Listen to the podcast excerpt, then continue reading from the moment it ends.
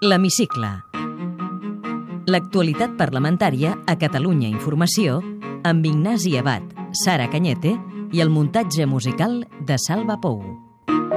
Crec que hem acabat la votació de totes les conclusions. Això ha estat un rècord. La Comissió d'Investigació sobre les Caixes ha culminat aquesta setmana la feina de 14 mesos aprovant les seves conclusions, les que van proposar conjuntament Convergència i Unió i Esquerra i algunes de les plantejades pel PSC, el PP i Iniciativa Esquerra Unida.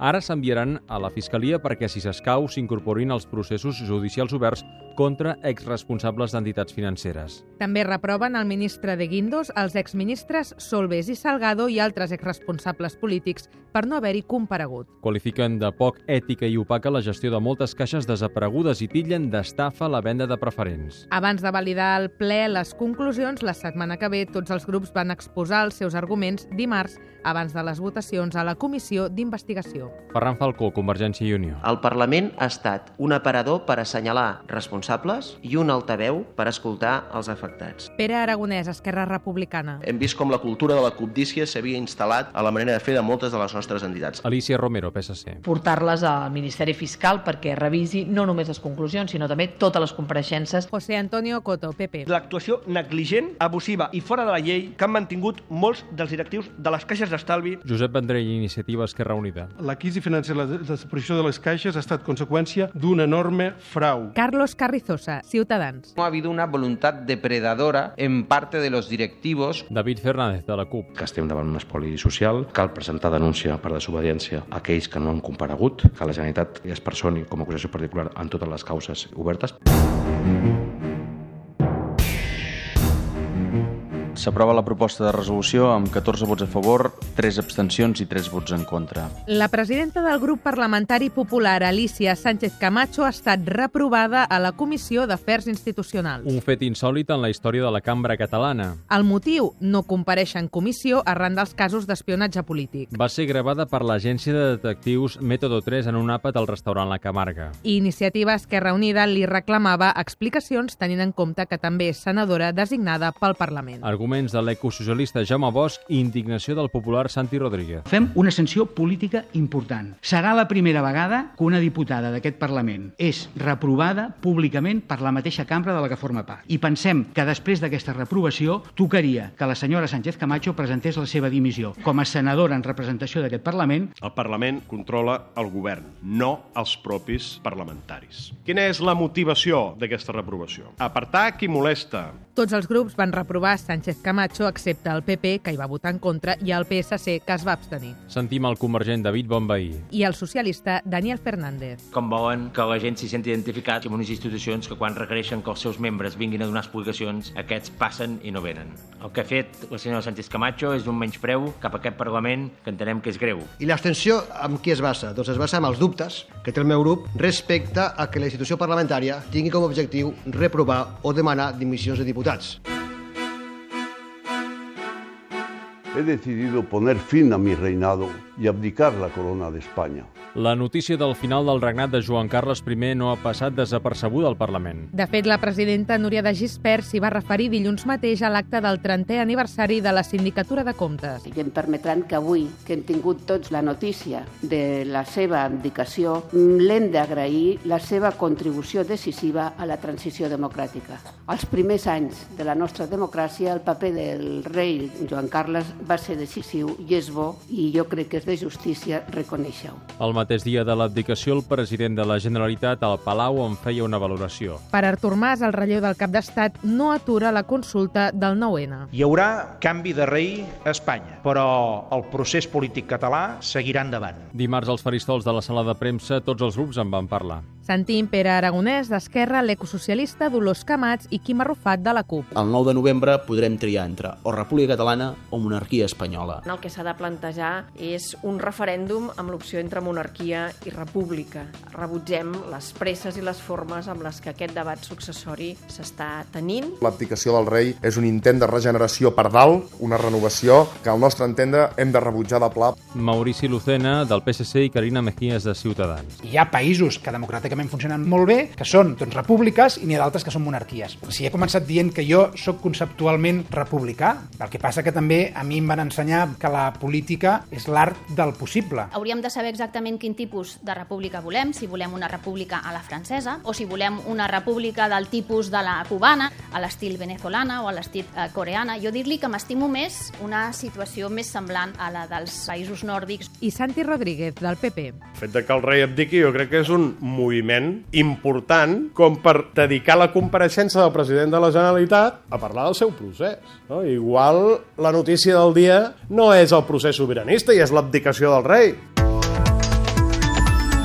El debat animalista ha ressorgit aquesta setmana a la Comissió d'Agricultura. Amb una resolució del PSC, el PP i Ciutadans pactada amb CiU perquè la Generalitat reguli en 5 mesos les proves de toros a les Terres de l'Ebre. Que els ramaders obren als turistes que van a dinar a les seves instal·lacions i que exclouen el maltractament i la mort de l'animal. Unes activitats que estan suspeses per la justícia per la llei que prohibeix les corrides de toros. El diputat del PP, Rafael Luna, demana celeritat al govern perquè els turistes interessats en la tauromàquia no passin de llarg de l'Ebre. Davant del compromís de la Convergent, Anabel Marcos. Insta el Govern de la Generalitat a regular com a màxim al mes de novembre, amb les mesures que estimi oportunes, les activitats anomenades tientes, perquè es puguin dur a terme aquestes activitats amb visitants. I sap el que ha passat amb aquesta gent? Que mentrestant le passaran per la seva cara autocars i autocars de turistes que aniran a Vinaròs. Perquè el resta d'Espanya no tenen aquest problema. La socialista Núria Ventura també reclama agilitat al govern. I Hortència Grau, d'iniciativa, veu molt complexa la regulació. Felicitar-nos per aquest ampli consens que hem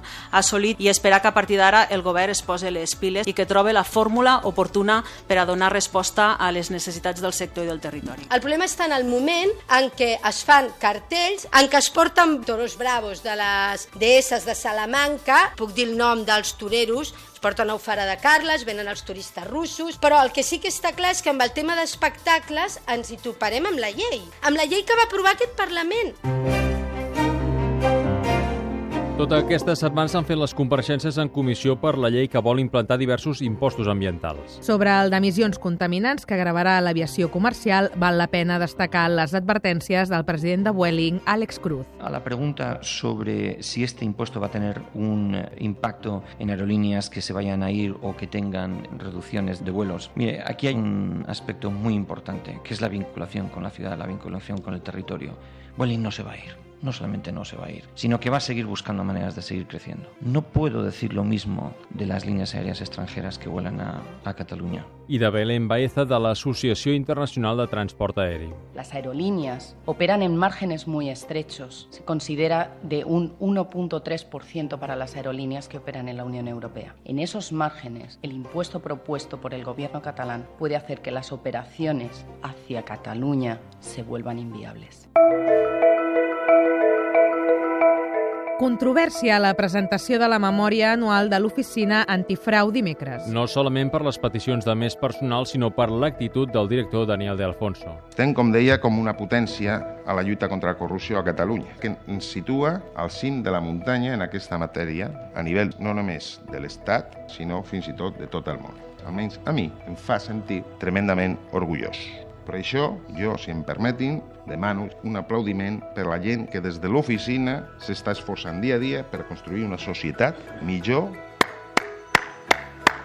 Pluja de crítiques per part de quasi tots els grups. Deixar-li constància d'una certa sorpresa en l'àmbit parlamentari del to, podríem dir, triunfalista o d'autocomplença que vostè ha tingut. Estas seis personas más que usted considera necesarias, ¿qué tipo de puestos de trabajo van a ocupar? Porque, bueno, una plantilla de 46 personas no está mal. Vostè creu que el retre comptes es limita a la presentació anual d'una memòria? I topada entre Convergència i Unió i la CUP per la participació a la sessió de parlamentaris imputats en casos de suposada corrupció. David Fernández es referia al portaveu socialista socialista a la comissió Daniel Fernández, encausat al cas Mercuri, i a la presència d'Oriol Pujol, imputat al cas ITV. El convergent Lluís Coromines retreu al diputat de la CUP les seves paraules i l'absència de condemna pels atacs recents a les seus del seu partit. Arran dels incidents de Canvies. Bon dia, diputats, i també bon dia, imputats. Demanaria a les forces polítiques amb càrrecs imputats per corrupció que s'abstinguessin de portar persones imputades quan la temàtica que tractem és la corrupció. Tal com estan les coses, em sembla una autèntica provocació que alguns fins i tot prenguin la paraula